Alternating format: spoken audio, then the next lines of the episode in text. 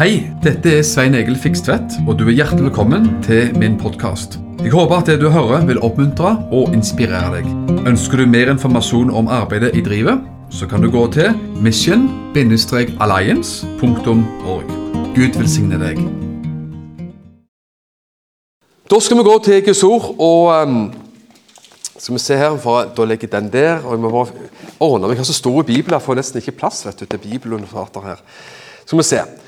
Vi skal gå til første, første eh, kongebok og lese en eh, fin, fin tekst der som handler om kong Salomo. Og så må vi bare eh, finne fram sjøl også der. Første, første, første kongebok, kapittel 3, fra vers, vers 5 i Jesu navn. I Gibeon viste Herren seg for Salomo i en drøm om natten og sa, Be meg, hva skal jeg gi deg? sa han. Det var Gud som sa det til Salomo. Bare si det bare si det rett ut. Si hva du vil ha, sa Gud, så skal du få det. Salomo svarte, Du har vist stor barmhjertighet mot en tjener David, min far, fordi han vandret for ditt ansikt i sannhet og rettferdighet, og med et oppriktig hjerte sammen med deg. Du har fortsatt å vise ham denne store barmhjertigheten, og du har gitt ham en sønn som sitter på hans trone, slik det er i dag. Det var, kong, det var jo Salomo som nettopp var blitt konge, han var ung mann, og, sa, og ba, ba dette ut. Nå, Herre, min Gud, du har gjort din tjener til konge i stedet for min far David, men jeg er et lite barn. Jeg vet knapt hvordan jeg skal gå ut og komme inn. Din tjener står midt iblant et folk, og du har utvalgt et stort folk, altfor tallrik til å bli telt eller regnet. Gi derfor din tjener et lydhørt hjerte, til å være dommer for ditt folk, til å skjelne mellom godt og ondt. For hvem er i stand til å være dommer for dette store folket ditt? Denne bønnen var god i Herrens øyne, at Salomo hadde bedt nettopp dette. Og Da skal vi bare stoppe litt og heller sitere litt videre her sånn. Kong Salomo var nylig blitt konge etter sin far David. Han er ung, han er uerfaren og kjenner seg sikkert han, han, han skjelver litt i knærne. Og så møter han Gud i en drøm på natta, og Gud taler til han og sier 'be om hva du vil', så skal du få det. Og Da er spørsmålet du, eh, hva hadde du og meg svart hvis vi fikk det samme tilbudet fra Gud? Be om hva du vil. Han sier ditt navn, og så sier han 'be meg om hva du vil', og du skal få det. Ja, hva hadde du svart for noe? Vel, vel, vel mange hadde jo svart mange, mange ting. Herre, gi meg et langt liv, gi meg helse, gi meg rikdom, gi meg ære, kanskje. Kan du gi meg seier over alle mine fiender? Kan du uh, sørge for det og sørge for det? Så ber man ut fra sine kanskje selviske motiv. Det som jeg vet Salomo gjorde, det var det at han ba, og han vurderte disse tingene. Men det han ba om til slutt, det var Herre, gi meg et lydhørt hjerte. Sagt med mine ord, gi meg et rett hjerte. Gi meg et forstandig hjerte. Gi meg et følsomt hjerte. Et bøyd hjerte, kanskje. Ha et rett hjerte, Gud, så jeg kan gjøre, gjøre det rett. Så jeg kan være en god konge som skiller mellom rett og galt. Som, som leder ditt folk på en god måte. Altså Han ba om dette, så hadde med sitt eget, sin egen hjertes tilstand å gjøre. Og så sier Gud, og det skal jeg ikke lese, men jeg, mer, jeg, jeg tar det bare på egen hukommelse, så vi sparer litt tid.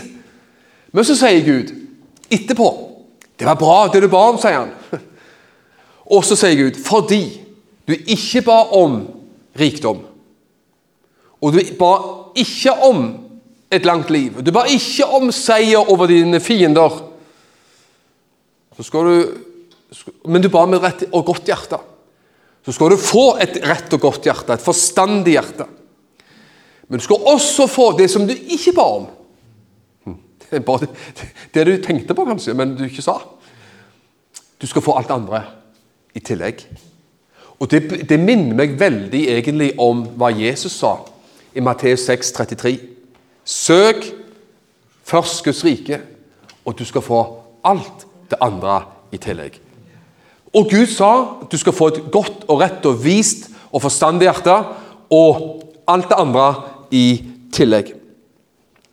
Og så vet vi jo at han fikk denne visdommen, her, denne forstanden, denne innsikten. Bibelen sier at han skrev 3000 ordspråk. Vi har ikke alle de ordspråkene i dag, men vi har en del av de. Er du enig i det? I ordspråksboken? Jeg tror ikke vi teller 3000, men eh, det finnes en god del. Og Jeg har lyst til at vi skal dra oss inn på ett av de ordspråkene her i dag. Som jeg opplever som, som for meg har vært personlig en ledestjerne i livet. Et enkelt, praktisk lite ord som, som jeg opplever som så bra og så viktig å ha med seg i livet. Og det, det kommer sikkert ikke så mye bombe hvis jeg sier ordspråkene 4.23. Og kanskje noen vet umiddelbart hva som står der, eller kanskje du ikke vet det. Men hvis jeg siterer det, så kjenner du det igjen. Ordspråkene 4.23 sier Bevar ditt hjerte fremfor alt som bevares, for livet utgår fra det. Og for meg er, du vet, Alle ordspråkene er fantastiske. Og, og, man kan hente så mye visdom, livsvisdom, praktisk visdom, ut fra ordspråkene. Men kanskje for meg, dette er favoritten for meg, i, i hvert fall ordspråkene. Bevar ditt eget hjerte fremfor alle andre ting som du bevarer. Fordi livet utgår fra det. Det som vi har betalt en pris for i livet Si man kjøper alle og har oss en eller annen gang, og kanskje mange ganger, kjøpt oss en ny mobiltelefon. Hvis du ikke overtar brukte telefoner av andre, da. Det eh, går godt an, vet du. Men kjøper du en ny mobiltelefon, så koster den noen rett og slett noen tusenlapper. Og Det du da gjerne gjør smart i å gjøre, det at du har et sånn etui på den, eller sånn et lite sånn beskyttelses ekstra glass, eller et eller annet som gjør at du beskytter telefonen litt ekstra. Og Vi vet alle av oss at det kan være dumt og uheldig å miste den i gulvet, miste den, på, uh, miste den så at uh, glasset sprekker. Det har jeg opplevd noen ganger. Ikke kjekt. Så jeg har lært å beskytte den mer. Men vet du hva? det vi har betalt en pris for, det som betyr noe for oss, det som er viktig for oss, det vil vi gjerne ta vare på og beskytte. Enten det er ny og fin bil eller ny og fin telefon, eller hva som helst. Det som har en verdi for oss, det som betyr noe for oss, det vil vi gjerne beskytte og bevare. Så finnes det altså en ting som er større og viktigere enn noen ting annet av alt som er materielt, å beskytte og bevare. Og det er vårt eget hjerte. Hvorfor? Fordi selve livet utgår fra vårt hjerte. Og vi vet at det, det er sånn at det, hvis man ikke formår å bevare vårt hjerte i en vond og vanskelig verden Alle av oss har levd så lenge vet du, at vi vet at verden ikke er rettferdig. Livet ikke er rettferdig. Omstendighetene ikke er rettferdige. Alle av oss har levd så lenge at vi vet at mennesker svikter oss. Omstendighetene svikter oss. Det er ikke alltid ting går vår vei. Vi kan bli skuffa på andre. Vi kan bli skuffa på oss sjøl, osv. osv. Og denne kunsten å bevare sitt hjerte i en vond og urettferdig og vanskelig verden er viktig. Og jeg kjenner på det at eh, vi, som sagt, vi vet jo at vi lever nettopp i denne vonde og vanskelige verden. Og så vet vi det at kvaliteten på våre liv avgjøres om en formår og er i stand til å ta gjerne den kampen det er å bevare hjertet sitt gjennom alle ting. Fordi tilstanden i vårt hjerte avgjør så mange ting. Du vet at jeg, Jeg har reist i mange land og møtt mennesker som er lutfattige. Men jeg har også møtt blant de mennesker som har åpenbart bevart hjertet sitt på en god måte. Og så har vi alle sammen møtt mennesker, kanskje vi har møtt oss sjøl også, i så måte, der vi har kjent at det, det, har vært vanskelig kanskje i perioder å bevare hjertet fra skuffelser, fra kanskje utilgivelighet, kanskje bitterhet, kanskje forskjellige andre ting, misunnelse, eller hva det enn måtte være. Så har det av og til vært kanskje perioder i våre liv der, da, der kampen var å rett og slett bevare vårt eget indre. Er heldige den, og velsigna er den som klarer det. Og ved Guds nåde og ved Guds hjelp så skal vi alle sammen klare det. Når jeg var pastor spesielt, men av og til ennå, så får jeg faktisk den æren Jeg får kalle det det. Får den æren å ha begravelser. Og Når man gjennom årenes løp har hatt en god del begravelser, så, så er det som jeg sier, faktisk en, en ære å gjøre det. Fordi man, får, man, man møter et levd liv. Man lager et minneord over et levd liv. Som veldig ofte ikke handler om at livet var en dans på roser, og at alle ting Et liv som har levd, blitt levd 80 år og 90 år og mer enn det, kanskje. Så vet man at et sånt liv har møtt mange ting på sin vei. Men hvor ydmyk og takknemlig man blir når man da også møter i det samme levde liv mennesker, en mann og kvinne, som klarte å være ha et bevart hjerte. Vær, som man gjerne sier på godt norsk, vel bevart. Det kjenner man godt til. Å være vel bevart. Det kan man jo av og til si om mennesker. Hvis man er litt sånn frittalende, og så tenker man, eller så sier man Han eller henne kan ikke være riktig vel bevart. Men i dag skal jeg oppmuntre hver eneste en av oss til å nettopp være riktig vel bevart. Bevar ditt hjerte fremfor alle ting. Paulus sa på slutten av sitt liv og sin tjeneste 2. Timotees 4, 7 og 8 og, og liksom der omkring så sier han tiden for en bortgang, avreise, er forestående, sier han. Hva sier han? Jeg har stridd en god strid, sier han. Jeg har fullført løpet. Jeg har bevart troen. Det er nydelig å bevare. Han sier som en mann som hadde opplevd mye, mange piskeslag, mange forfølgelser, et skipbrudd her og der, fengsel her og der, så sier han i sitt siste fengselsopphold i Rom Han hadde to fengselsopphold, ser vi ut fra Bibelen. Dette var det siste fengselsoppholdet. Mennesker hadde forlatt han, sviktet han, og han var satt alene igjen, i, i, i, i ganske ensom og forlatt. Og Han sier også i det samme kapitlet Når han skulle forsvare min sak i retten, så sa han Så forsvant og forlot alle meg, sa han. Forlatt av alle.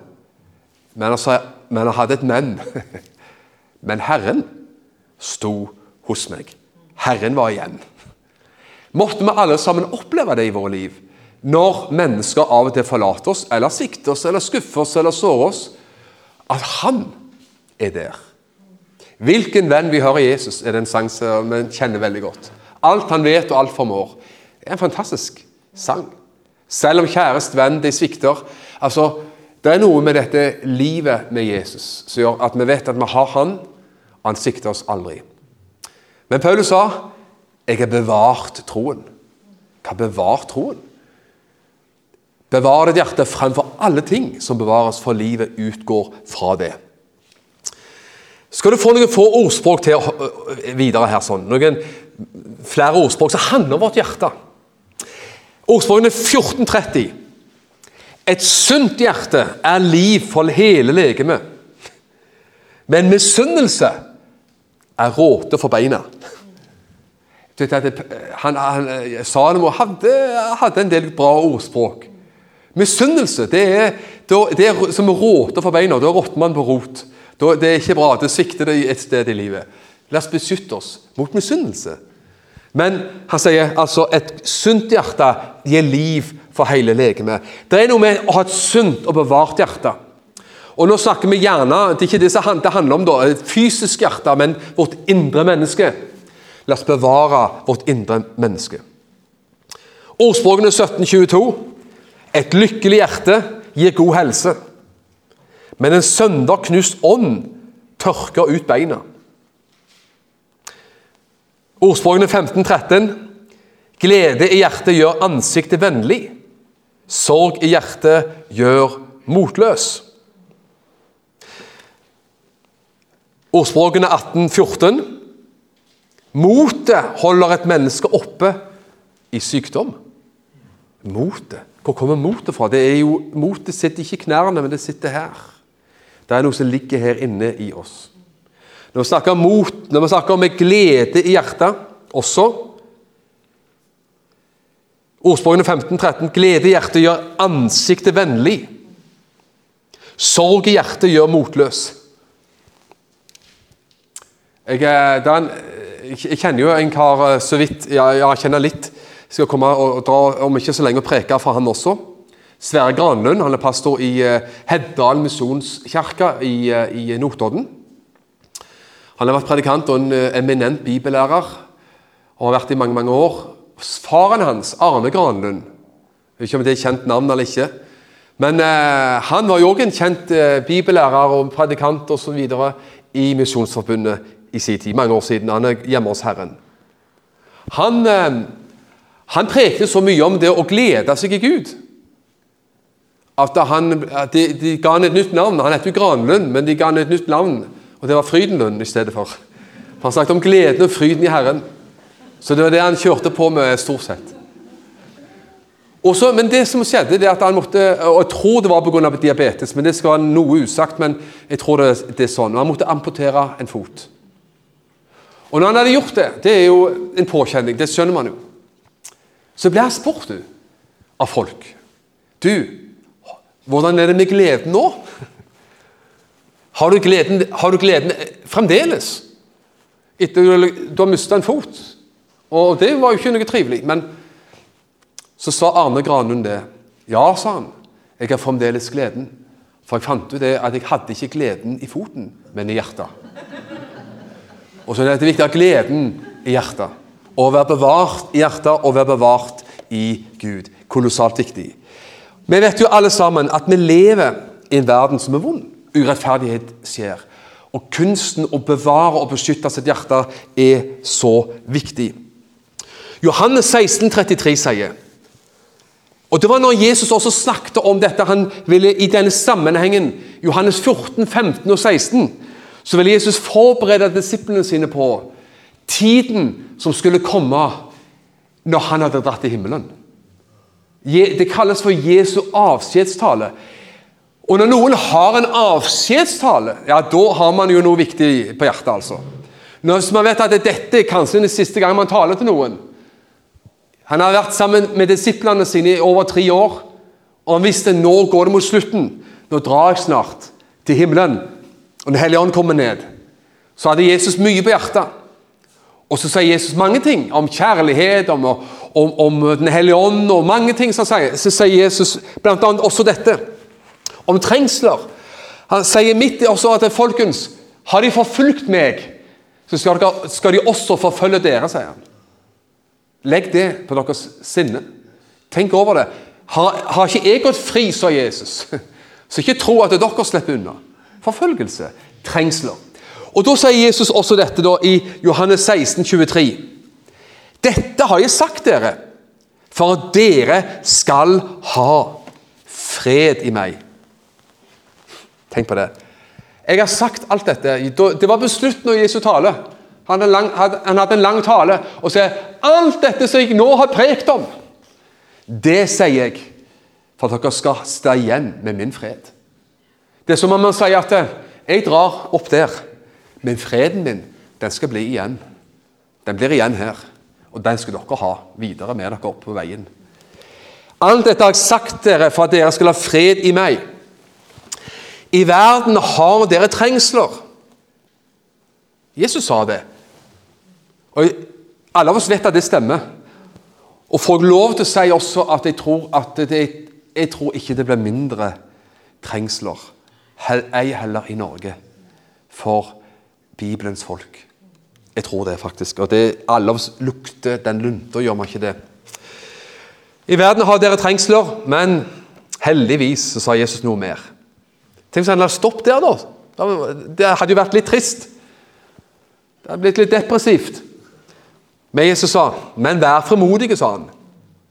'Jeg har seiret over verden'. Jeg tror det er veldig viktig å se de tingene der. altså. I verden har vi trengsler. Med Jesus også dere skal ha fred. Vi er lovt å ha fred. Vi er lovt å ha trengsler også. Men vi har lovt én ting til. Han har seire over verden. Med andre ord, underforstått, hans seier tilhører oss. Hans seier gjelder oss. Og har han seire over verden, så gjør vi også det. Det er faktisk noe oss, eh, Johannes sier i sitt første brev. Dette er den seier som har seiret over verden, vår tro. Så Johannes han tok dette med seg videre han, gjennom et langt liv. Vi har tro, og vi har seier i Jesu Kristi navn. Kolossalt viktig. Du vet, vet, du hva? Det å bevare sitt hjerte, det er bare så viktig. Og vet du hva? Man kan oppleve jeg Som jeg sa, når jeg har hatt begravelser og møtt mennesker som har gått igjennom langt, langt flere vinternetter og stormkast i livet enn det jeg noen gang har gjort, så, så blir man takknemlig, og man blir ydmyk. Og man blir også takknemlig til Gud når man ser hvordan mange mennesker ved Guds nåde klarte å bevare sitt hjerte. For noen av de menneskene har jo kjent, fikk jeg bli kjent med, og så hva de bar med seg i livet. Fordi de hadde en tro som overvant vonde ting, en tro som overvant verden, en tro som overvant tap i livet. En tro som overvant kriser i livet. En tro som overvant eh, svik i livet. Og jeg tror at det, Guds nådes er her i dag til å hjelpe oss som er her i dag, nettopp til å ta tak i dette. Til å kjenne på det at vi bevarer vårt hjerte videre i livet. Hvordan skal vi bevare vårt hjerte? Vi kunne nevnt så mange mange ting. Og hva skal vi bevare vårt hjerte fra? Jeg nevnte noen ting. La oss passe på at vi ikke noen gang lever i utilgivelighet, i bitterhet, i skuffelser, i misunnelse og andre ting passe på at vi bevarer vårt hjerte rent for Gud. La oss leve nær Jesus, leve nær Herren, og la oss leve i tilgivelse. Og skal ikke si mye om tilgivelse, for da trenger vi to, to prekener til. så det tar lang tid.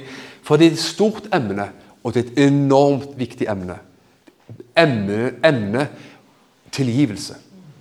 Og Jeg har lyst til å bare si det så kort ved å si at det, til, og, og tilgivelse er ikke nødvendigvis enkelt. Hvis jeg sto fram og sa at tilgivelse det er alltid kjempelett og det er så enkelt at Da vil jeg lyge, og, ville, og, og, mange av dere vil ikke kjenne dere igjen i det, antagelig. Så det er ikke enkelt. Men jeg vil si én ting til. Men Det er ikke enkelt, men det er nødvendig. Det er ikke lett. Det kan være bånn vanskelig men det er likevel så nødvendig. Og Det kan oppleves som en kamp på liv og død i vårt eget liv, men å vinne den kampen og bestemme seg for at jeg skal bevare mitt hjerte, er så viktig, så viktig. Kan jeg få lov til å gi deg et sitat som jeg bare syns er så fantastisk? Alle av oss kjenner jo denne gamle Det er to helter når det gjelder å bevare sitt hjerte. La oss ta han i Bibelen først. Josef i Det gamle testamentet som ble solgt som slave til Egypt. Og, og, og alt han opplevde av, av stygge, stygge, ting fra sine brødre. Solgt som slave og kasta ned i en brønn og ble solgt inn i Egypt og til Potifar. og Så ble han løyet på, og så har du alt vi kjenner fra den historien om Josef. Så til slutt gikk det godt. Han ble brukt av Gud til å redde både Egypt fra hungersnød og sine egne brødre som kom luskende til han fra Kanans land. Ikke sant? Så det er jo fantastisk. Og Da sier Josef dette, at dere tenkte dette til det vonde for meg. Men Gud tenkte dette til noe godt.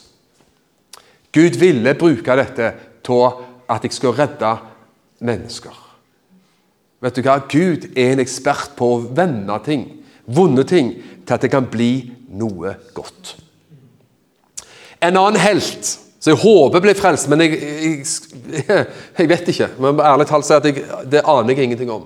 Likevel så ble han et forbilde på tilgivelse, og det er Nelson Mandela fra Sør-Afrika. Han var jo president i mange år også. Men lenge før den tid så var han jo også 7-28 år fange på Robben Island i, i Sør-Afrika. For han kjempa jo for svarte menneskers rettigheter og, og, og sånne ting. sant? 70-80-tallet. Og um, betalte jo en fryktelig pris for det. Var fange i 7-28 år. Det er grusomt. Tenk, bare tenke på det. Så jeg kjenner vi til historien, og hvordan han kom ut av fengselet og siden ble president. Og, og Derfor har jo hans liv vært et eventyrlig liv på mange måter. Og Da har jeg lyst til å bare gi deg et sitat som han sa, som vi skal prøve å lese litt seint, så vi får det med oss. Han sier Da jeg gikk ut av døra, altså fengselsdøra, som ledet mot porten til min frihet. Altså når jeg gikk ut av fengselsdørene for siste gang, så visste jeg at hvis jeg ikke klarer å legge bak meg hat og bitterheten, så vil jeg fortsatt befinne meg i fengsel. Når han gikk ut av det fysiske fengselet, så visste han hvis jeg ikke klarer å legge fra meg hatet og bitterheten, ja, da vil jeg fremdeles være i fengsel, selv om han var en fri mann. Det er bra sagt, men passer på at vi nettopp ikke finner oss i noe av den type fengsel. Kjære venner, jeg skal faktisk bare lande inn på dette med Salomo mot slutten her. Vi snakket om Salomo. Følg, vær med på Salomos lille vandring her nå. Og Så skal vi se det at Salomo, han var ung. Så han, Herre, gi meg visdom. Første kongebok 3, som vi leste. Gi meg visdom. Gi meg et forstandig hjerte, Herre. La meg få dømme mellom rett og galt. sa Han Han var ung og ydmyk. Og så, for han var skjelven i forhold til det var konge, kjente avhengighet av Gud. Og så, litt lenger fram i tid, så skriver han ordspråkene 4.23. Bevar ditt hjerte framfor alle ting som bevares, for livet utgår fra det. Fantastisk. Men vet du hva som skjer seinere? Litt lenger fram i tid. Han har fått all rikdom, all ære, all makt. Alt gikk den gode veien. Så står det i, første kongebok, kapittel 11, fra vers 1 og nedover, så har det plutselig skjedd en helt annen eh, en dreining i livet hans. Så står det der han har fått seg en hel haug med koner, hustruer, fra fremmede folkeslag, hedenske hustruer. Og så står det de vendte hans hjerte bort fra Gud. Kan du se forskjell fra han var ung, og så sa Gud La meg ha et rett hjerte. Så skriver han ordspråket sitt og mange andre ordspråk. Bevar ditt hjerte, sier han. Frimodig. vet du. Bevar ditt hjerte framfor alle ting som bevares. Så kommer han litt opp i alderen og er velsigna eh, opp til pipa. Og så begynner han å ikke er helhjerta med Gud lenger. Ikke det er tragisk? Han, han fulgte ikke sitt eget ordspråk.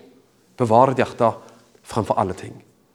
Han bevarte faktisk ikke sjøl hjertet sitt. Det han prekte for andre, det han skrev for andre, det gjorde han faktisk ikke sjøl. Og slutten av denne her godeste kong Salomos liv, vet du um, Der har vi jo uh, Salomos eh, Forkynnerens bok. Og vet du hva som står i Forkynnerens bok? Det er at han oppsummerer sitt liv på en ganske trist måte. Det er kong Salomos har skrevet den boka som en gammel mann. Og så oppsummerer han, og det er ganske sånn en trist slutt i hans tilfelle.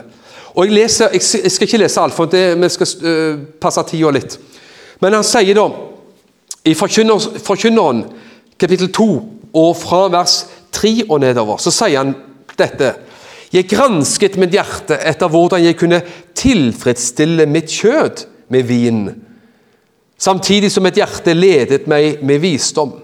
Og så sier han videre nedover at jeg bygde Jeg satte store ting i verk. Jeg bygde hus og plantet vingårder. Jeg anla hager og lystparker. Jeg plantet alle slags frukttrær i dem. Jeg bygde vanndammer til å vanne den skogen av trær som vokste opp. Jeg kjøpte slaver og slavekvinner. Jeg hadde eh, tjenere som var født i mitt hus. Jeg hadde mer storfe og småfe enn alle som hadde vært i Jerusalem før meg. Kan du se at han var velstående, hadde makt, hadde rikdom, hadde ære? Jeg samlet meg også gull og sølv og skatter fra kongene og fra provinsene. Jeg skaffet meg sangere og sangerinner, forlystelser for menneskenes barn, mange medhustruer. Akkurat der hadde du det som var problemet, blant annet. Og hva kan jeg si også vers 10? Ikke noe av alt det mine øyne begjærte, holdt jeg tilbake fra dem. Så Oppsummert så sier han alt mine øyne så, kunne jeg få tak i. Alt jeg ville ha. Alt. Men kjenner du kanskje også hva han sier mot slutten? Se, sier han i slutten av vers 11.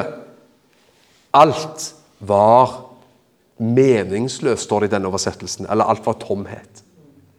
Når han oppsummerte alle ting, så sitter han igjen med den mektigste og rikeste mannen, og likevel kjenner på tomhet. Meningsløshet. Og svaret finner man i Bibelen. Han hadde ikke bevart sitt eget hjerte.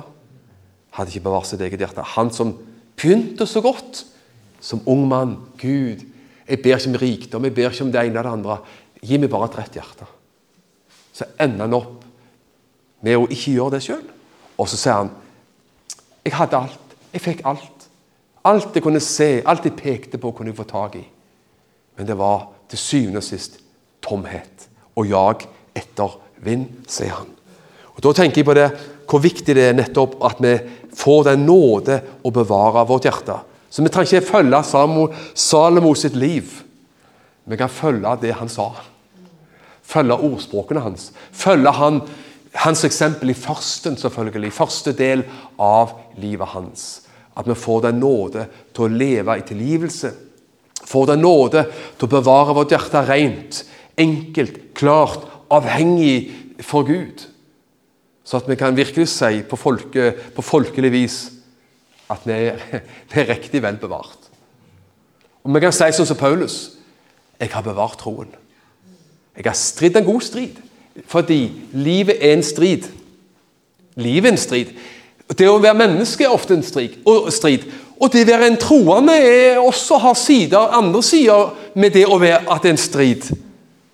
Og hvis man i tillegg vil noe Hvis man i tillegg har lyst til å tjene Gud og, og stå for Guds ord og osv. Etterfølge Jesus, ja, da er det en strid. Jeg har stridd en god strid, sa Paulus. Jeg har, men jeg har fullført. Jeg har fullført løpet. Og så har jeg bevart troen.